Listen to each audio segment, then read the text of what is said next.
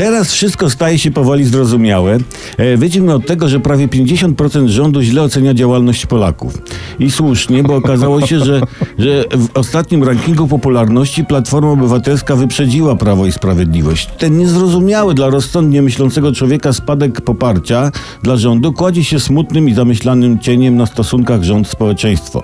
Ale mimo braku zaufania rządu do społeczeństwa, które, nie, nie, które to społeczeństwo nie staje na wysokości zadania, jak mówiłem, rząd postanowił coś robić ze spadającymi notowaniami i po gazetach chodzą ploty, tak tupią nawet, że premier Beata Szydło no, szuka młodych kandydatów na ministrów, którzy zastąpiliby ministrów nieco już, no, potrąconych przez kajak czasu.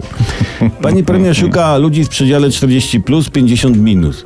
Czyli używając nomenklatury piłkarskiej, selekcjoner Jarosław Kaczyński odmładza skład. Starzy zawodnicy strzelili już parę samobójów, choćby w meczu z San Escobar. Niektórzy są na ciągłym spalonym.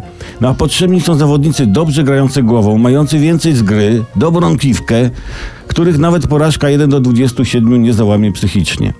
No ale zawodnicy to nie wszystko. Minister Ziobro weryfikuje niesolidnych sędziów. No i trwa wybór takich, którzy będą sędziować po myśli selekcjonera. Sędziowie odrzuceni przydadzą się jako chłopcy do podawania piłek.